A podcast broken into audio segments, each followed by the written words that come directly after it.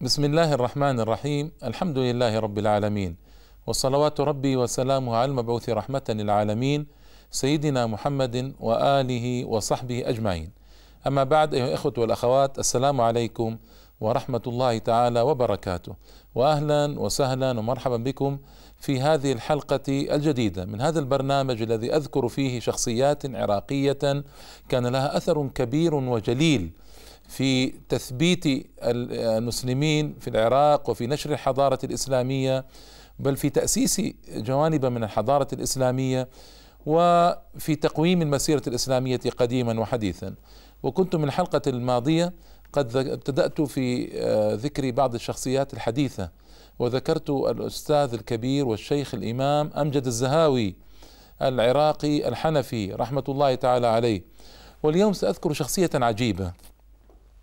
ربما أضطر لتقسيمها إلى حلقتين لما فيها من تمهيد وهي شخصية الإمام العالم الكبير الصادع بالحق عبد العزيز البدري رحمة الله تعالى عليه. وربما أحتاج لتمهيد عن أوضاع العراق منذ الدولة العثمانية إلى استلام حزب البعث للسلطة إلى أن سقط الحزب بعد ذلك. وهذا يحتاج ربما إلى حلقتين لكن اصبروا معي. العراق كان جزءا من الدولة العثمانية. كما هو معلوم تابع إيالة تابعة للدولة العثمانية. وعلى مدار تاريخ العراق في الحقيقة قدم العشرات عشرات الآلاف من العلماء والصالحين والمجاهدين والأولياء والعاملين. وكان مركزا للخلافة الإسلامية العباسية قرابة خمسة قرون وكان بعد ذلك قد جرى عليه محن وبلاء وفتن التتار وانتقلت الخلافة إلى مصر بعد ذلك العباسية ثم بعد ذلك انتقلت الخلافة إلى بني عثمان. العراق صار ولاية عثمانية إيالة عثمانية إلى أن جاء العصر الحديث. ونحن علمنا أن الدولة العثمانية قد ضعفت كثيرا. ضعفت لأسباب عوامل ربما الآن يعني صعب الآن أن نأتي عليها لكنها ضعفت. ومنذ سنة 1800 تقريبا يعني بدايات القرن التاسع عشر الميلادي صار يطلق عليها في أوروبا الرجل المريض. ولولا أن الله تعالى ثبتها بسلطان عظيم وخليفة كبير جاء في أواخر عهدها لكانت الدولة قد قضي عليها قبل وقت القضاء. وذلك هو السلطان عبد الحميد الثاني رحمة الله تعالى عليه الذي حكم ثلاثا وثلاثين سنة في مدة صعبة جدا ومظلمة جدا مدة أطبقت الدول الاستخرابية الصليبية واليهود أطبقوا على الدولة العثمانية يريدون إسقاطها.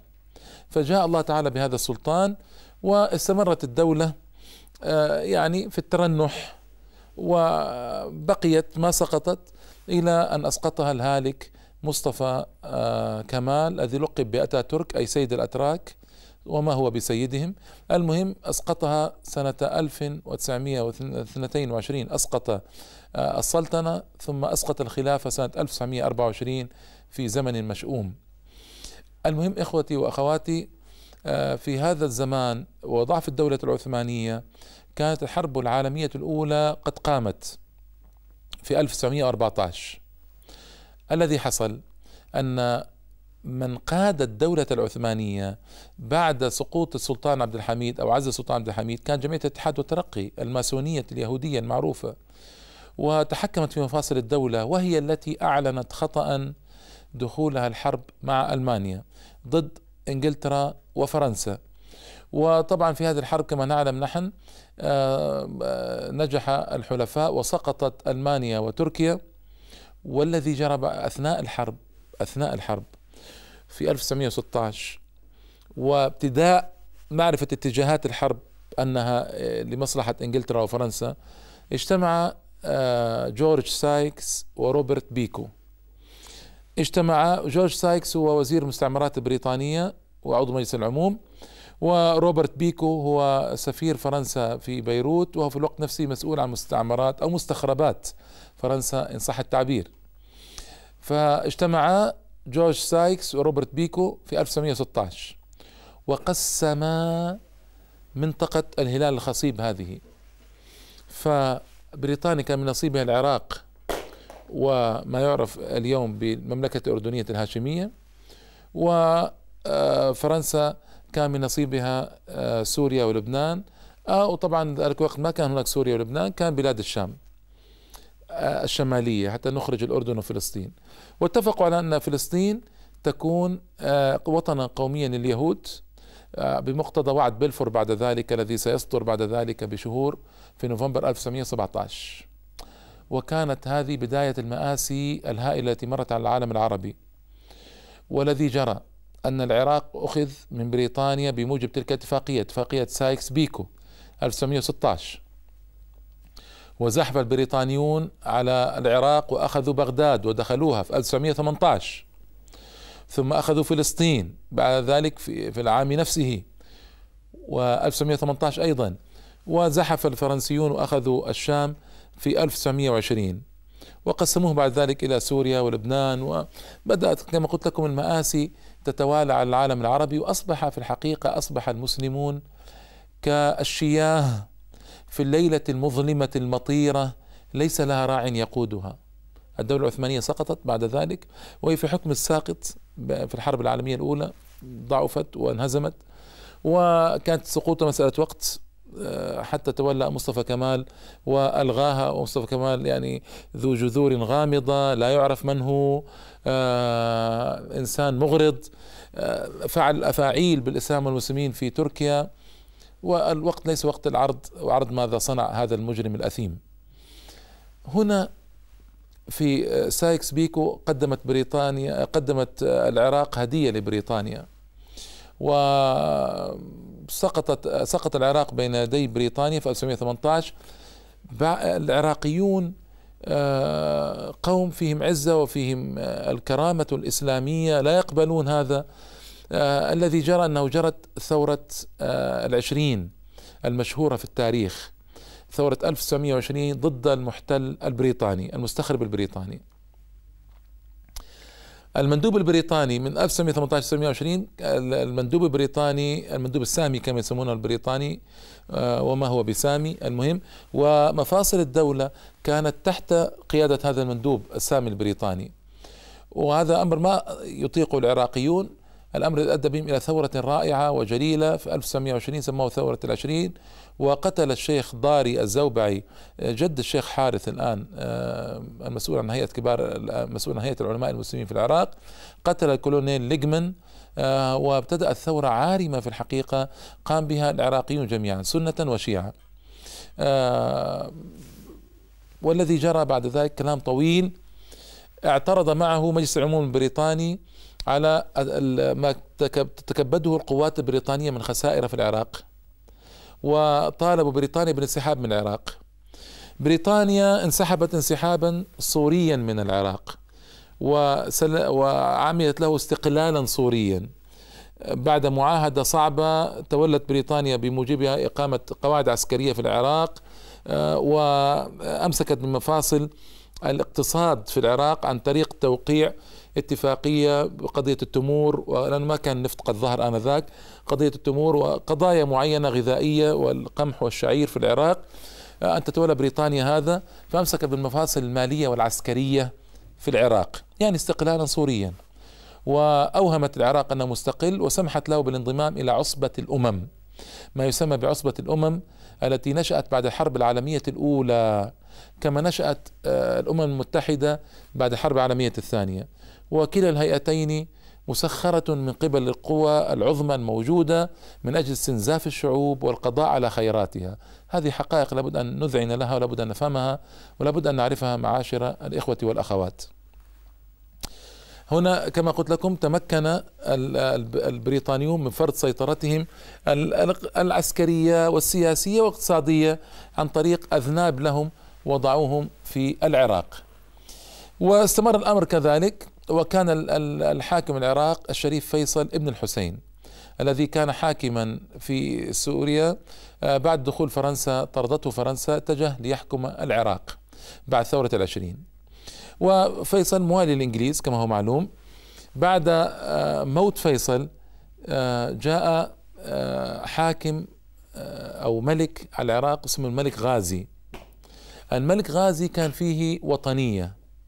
ليش؟ لأنه عاش مع العراقيين تربى معهم نشأ بينهم آه، شعر بشعورهم عرف مطالبهم.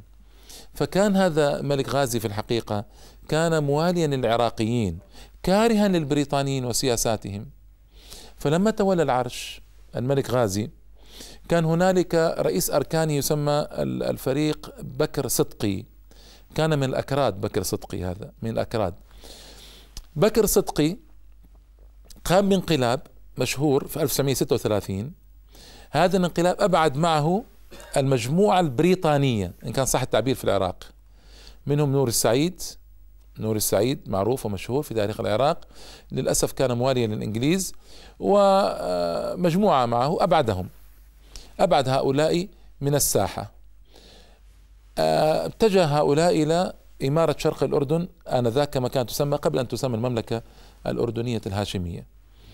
نور الملك غازي كان بكر صدقي هو الحاكم الفعلي بعد الانقلاب أراد أن يعمل زيارة إلى تركيا وهو في طريقه إلى تركيا برا طبعا آنذاك بر سكن في الموصل أو أقام في الموصل مدة في طريقه إلى مرب الموصل أحسن في طريقه إلى تركيا.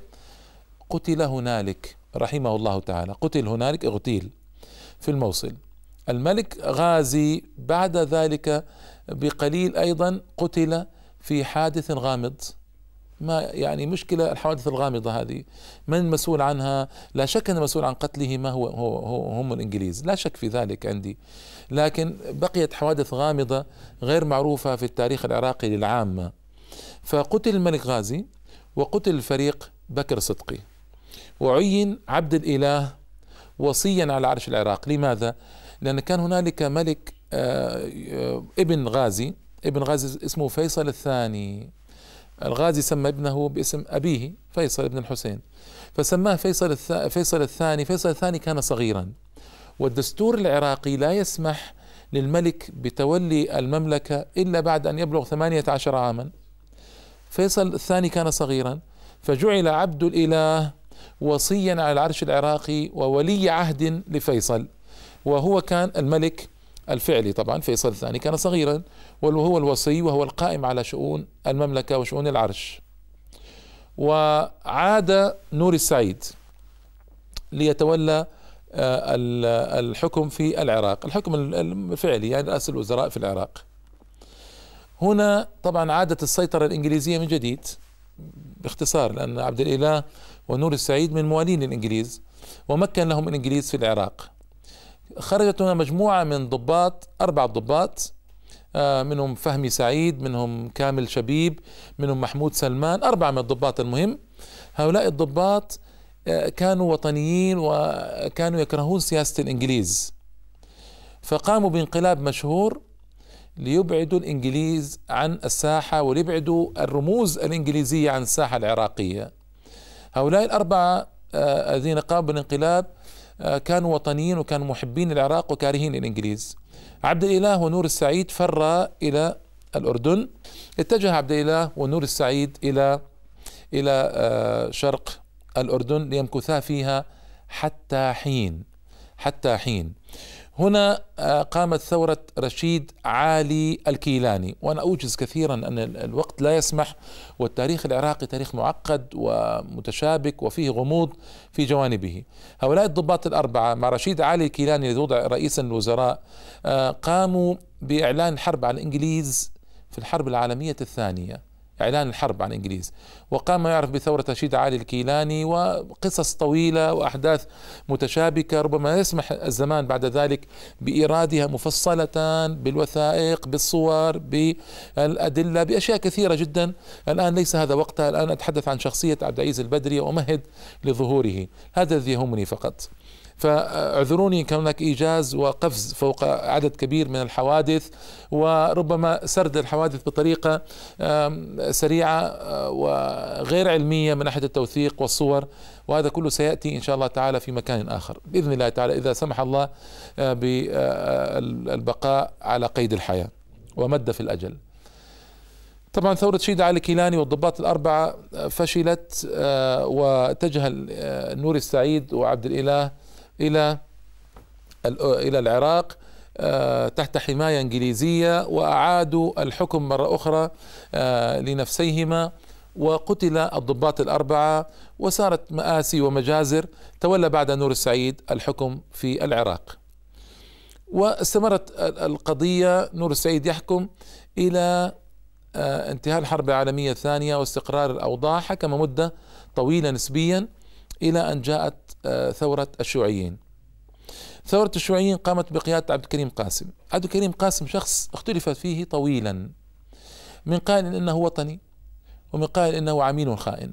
يعني يعني انظروا إلى آه، إلى هذا التناقض العجيب بين وطني وبين عميل خائن. عبد الكريم قاسم ثورته قامت في 1958 عبد الكريم قاسم نفسه يؤكد كثير من الناس إنه لم يكن شيوعيا. الحكم في هذه القضية كما قلت لكم والدراسه العملية القوية والطويلة ستكون فيما بعد إن شاء الله تعالى. لكن من المؤكد أن عبد الكريم قاسم قفز على السلطة واستمر فيها مدة خمس سنوات تقريبا بمساندة ومساعدة الشيوعيين والسبب أن عبد الكريم قاسم وجدهم أمامه. استند إليهم في الحكم استند إليهم في في البقاء في الحكم. والأحزاب الأخرى الباقية آه، ما ساعدته ما ساندته. لأسباب أيضا كثيرة وطويلة. عبد الكريم قاسم آه، قامت ثورة ضده في الموصل ثورة ناصرية لأن طبعا عبد الكريم قاسم هنا آه، فصل الاتحاد الهاشمي كان قائم بين العراق والأردن ولم يرضى بحكم الإنجليز ولم يرضى بعبد الناصر الذي كان ذاك في أوج عنفوانه وطغيانه آه، ما رضي به. آه، هنا عبد الوهاب الشواف في الموصل هو الذي قام بثورة في 1959 ضد عبد الكريم قاسم وضد هذه الاتجاهات الشيوعية. وكانت ثورة ناصرية مدعومة من عبد الناصر والجمهورية العربية المتحدة كما تدعى آنذاك. الاتحاد كان قائما آنذاك بين مصر وسوريا. اتحاد فاشل سرعان ما انفرط عقده بعد ثلاث سنوات 1958 ل 1961 تقريبا. عبد الوهاب الشواف فشلت ثورته هنا وجد الشيوعيون الفرصة والفرصة الكبيرة للانتقام الشنيع من كل الرموز الوطنية والإسلامية. بسبب فشل ثورة عبد الوهاب الشواف. وأقاموا محاكم صعبة ومجازر في الموصل في وطن موطن الثورة.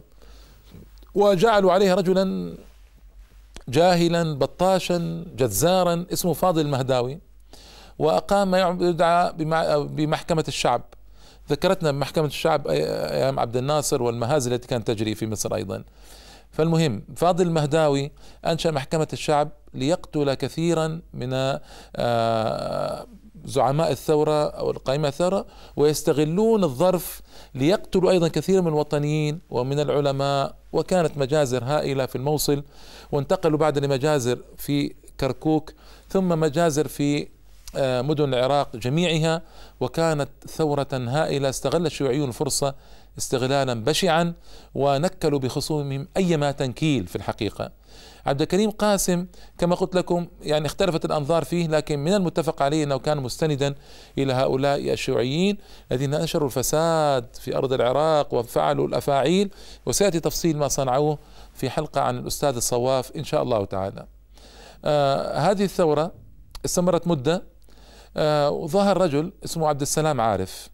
عبد السلام عارف آه قام بانقلاب ضد عبد الكريم قاسم. الانقلاب هذا أيضا كان في 1963 لأن كان عبد الكريم قاسم كان نائبا عبد السلام عارف أعني كان نائبا لرئيس مجلس الوزراء وكان أيضا حاكما في الجيش وكان أبعده عبد الكريم قاسم جرده من مناصبه وأرسله سفيرا للعراق في دولة أوروبية. هنا آه، ثارت ثائرة آه، من كان يقاوم عبد الكريم قاسم ويقاوم هذا المد الشيوعي فاستغلوا الفرصة وقاموا بانقلاب آه، وحدوي ناصري سمه عربي قومي سمه ما شئت. الوقت ليس الوقت الحكم على هذا الانقلاب ولا تفصيلات الانقلاب ذكر تفصيلات الانقلاب لأن القضية قضية واسعة الآن لا يصح آه، ذكرها في هذه الحلقة الموجزة. وأعدكم إن شاء الله بتفصيل تام فيما بعد في اتجاه آخر وفي حلقات أخرى في مكان آخر إن شاء الله تعالى. الذي جرى قام انقلاب عبد السلام عارف. آه، عبد السلام عارف كان له علاقات ودودة مع عبد الناصر كما هو معلوم في بدايات أمره ثم تعكرت العلاقة وجرى ما جرى. عبد السلام عارف أيضا اختلفت الأنظار فيه وفي اتجاهاته وفيما يصنع لكنه لم يكن محاربا للإسلام مثل هؤلاء الشيوعيين الذين كانوا قبله. وما كان أيضا آه، راضيا عما يجري في العراق من مآس ضد الإسلام والمسلمين في الجمله نتحدث في الجمله يعني كرجل فيه شيء من الوطنية وفيه شيء من الإقبال على الوطنيين كما كانوا يسمون آنذاك وما كان معاديا للإسلام ظاهر العداوة للإسلام كما كان الشيوعيون أيام عبد الكريم قاسم. فالذي حصل إن عبد السلام عارف قتل بحادث أيضا غامض. هذه الحوادث الغامضة كثرت في تاريخنا للتخلص من الزعماء المسلمين للتخلص من الزعماء الوطنيين.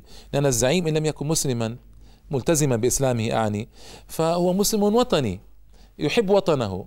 وهذه نصف مصيبة نصف مصيبة كما يقول اخواننا أهل الشام يعني. نصف مصيبة. يعني المصيبة كل المصيبة عندما يأتي حاكم لا هو مسلم ملتزم بإسلامه ولا هو وطني ملتزم بوطنيته. يأتيك حاكم عميل يفعل أفاعيل بالبلاد العربية والإسلامية. على الأقل يعني حاكم وطني. قتل في حادث غامض وما أكثر هذه الحوادث الغامضة في تاريخنا الإسلامي المعاصر. ليأتي عبد الرحمن عارف شقيقه.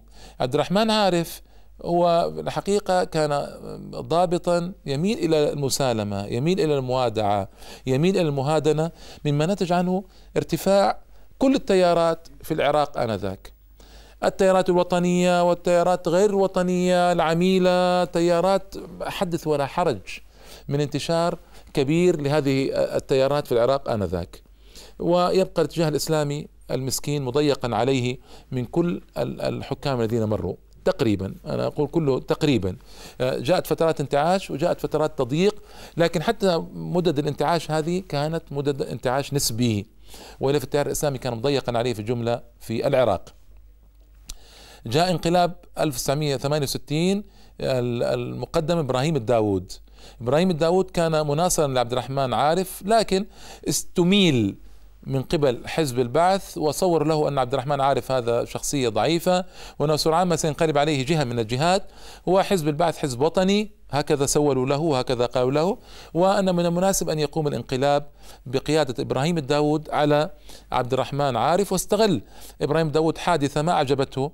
آه، ظن عبد الرحمن عارف يعني تلاعب ببعض أموال الدولة وكذا. غضب عليه وعمل عليه الانقلاب المشهور انقلاب سنة 1968 الذي جرى أن بعد ذلك طبعا إبراهيم داود أبعد. لأنه كان أداة فقط وسيلة للانقلاب وكان قائد الجيش وسيلة للانقلاب واستميل وضحك عليه في الحقيقة واستجر لهذا الانقلاب واستدرج. أبعد آه، إبراهيم داود قتل حردان التكريتي في الكويت وجيء بأحمد حسن البكر وكان ضابطا متقاعدا ليتولى السلطة. وبعد ذلك أبعد حسن أحمد حسن البكر أبعد بعد ذلك ليأتي آه، صدام حسين يتولى الحكم وبعد ذلك النهاية المعروفة لأبناء الجيل. أنا أردت أن آتي على النقاط غير المعروفة لأكثر أبناء الجيل. آتي عليها بسرعة وآتي عليها بنوع من التفصيل في الحقيقة. آه ولي يعني تفصيل موجز إن كان صح التعبير يعني. كلمة تفصيل موجز إن كان صحت على هذه الطريقة. آه صدام طبعا آه نشأ في حكمه ما نشأ من مشكلات وانتهى حكمه هذه النهاية. المأساوية التي نعرفها اليوم. حزب البعث حزب أنشأه ميشيل عفلق في سوريا في الأربعينات الميلادية شخص نصراني وإن ادعى بعد ذلك صدام أنه أسلم ودفنه في العراق في جنازة إسلامية. الله أعلم أنا ما أريد أخوض في هذه القضايا لكن شخص نصراني آه، بالتأكيد بعيد عن الإسلام بتفكيره وطريقته وما آه، أنشأه من حزب حزب نشأ كما قلت لكم في سوريا في أواخر الأربعينات. أو في الأربعينات الميلادية. شاب شاب نشوء هذا الحزب كثير جدا من الغموض. عدم معرفة أهدافه ما هو ماذا يريد. لكن على الأقل أنه كان بعيد عن الإسلام. آه، الأمة العربية أمة خا... أمة واحدة ذات رسالة خالدة. ولئن سألت ما هي هذه الرسالة لا لا تكون هذه الرسالة هي الإسلام للأسف الشديد. آه، ويعتزون بالأمة العربية ويقول لها تاريخ عريق قبل الإسلام. كبرت كلمة تخرج من أفواههم. إن يقولون إلا كذبا. الأمة العربية وجدت بالإسلام. الأمة العربية بدأ تاريخها بالإسلام. الأمة العربية عزها بدأ بالإسلام. الأمة العربية على لسان رموزها العرب الذين قابلوا رستم في القادسية آه، واعترفوا أنهم كانوا لا شيء قبل الإسلام. ثم الإسلام رفعهم وعظمهم وجعلهم أسودا وجعلهم سادة على العالمين ألف سنة من الزمان. ما الأمة العربية؟ نعم كان فيها صفات رائعة تؤهلها لحمل الرسالة لكن في مجموعها كانت أمة ضائعة لا قيمة لها بين الأمم آنذاك. حتى جاء الإسلام وأورثها الأرض وجعل لها قيمة وجعل لها عظمة في نفوس العالمين. هذه نقطة للأسف الشديد حزب البعث قفز فوقها وما استغلها. وأعلنوا انهم امه عربية واحدة ذات رسالة خالدة وكانت رسالة بعيدة كل البعد عن الإسلام سواء كان في نهجها النظري أو في تطبيقاتها العملية كما جرى في أماكن عديدة آه، تولى حزب البعث هذه فيها السلطة وحزب البعث في الحقيقة هذه حقيقة تاريخية جرع الأمة الويلات جر على الأمة الويلات وهو الذي أتى بالصليبيين وهم الآن في العراق يحتلون العراق هؤلاء الصليبيون. وهذه من ممارسات حزب البعث الكثيرة السيئة التي جرت علينا الوبال وجرت علينا هما طويلا للأسف الشديد. في ظل هذه الأوضاع القائمة نشأ شيخنا وإمامنا في الحقيقة الأستاذ الكبير عبد العزيز البدري. آه، صفة كان علامة فارقة كان علامة فارقة وتاريخا مميزا. لا أقول بين علماء العراق بل علماء الأمة الإسلامية جميعها. وأنا أقول هذا الكلام وأنا مسؤول عنه. وأقول هذا الكلام وأنا قد قرأت عشرات الآلاف من التراجم قديما وحديثا. وأعرف ما أقول وأقول هذا الكلام في حدود علمي. والله تعالى أعلم. كان علامة فارقة مميزة بنهجه الذي نهج وطريقته التي آه، عملها بالصدع بالحق على وجه عجيب ذكرنا فيه بسلطان العلماء عز الدين ابن عبد السلام السلمي الكناني الإمام العظيم المشهور رحمة الله تعالى عليه. في الحقيقة في ظني أنه أعاد تاريخ عز الدين بن عبد السلام وكان شجاعا للغاية وسيرته رائعة جدا وقد اضطررت لهذا التمهيد لسيرته حتى نعرف أيها الإخوة والأخوات أين كان يعيش وكيف كان يعيش وفي أي عصر كان يعيش وما هي الدول أو الحكومات التي تقلب فيها. فهو قد عاصر الملكية ثم عاصر بعد ذلك ال ال الانقلابات التي جرت على الملكية ثم عاصر بعد ذلك عودة الملكية ثم عاصر بعد ذلك الثورة الشيوعية ثم عاصر بعد ذلك ثورة عبد السلام عارف وعاصر بعد ذلك ثورة البعث. كل هذا عاصره وعانى منه أي معاناة رحمة الله تعالى عليه. وطبعا آه، دراسة هذه الشخصية وإعطاؤها حقها كما ينبغي من أهم المهمات التي ينبغي أن يفهمها أبناء الجيل. هناك جوانب رائعة في شخصية عبد العزيز البدري. وهناك جوانب أخرى أريد أن أوضحها كان يحتاج فيها إلى إكمال لهذه الروعة ما كانت على مستوى الروعة الأولى. كل ذلك إن شاء الله تعالى سآتي عليه في الحلقة القادمة. لكن أريد شيئا واحدا مهما.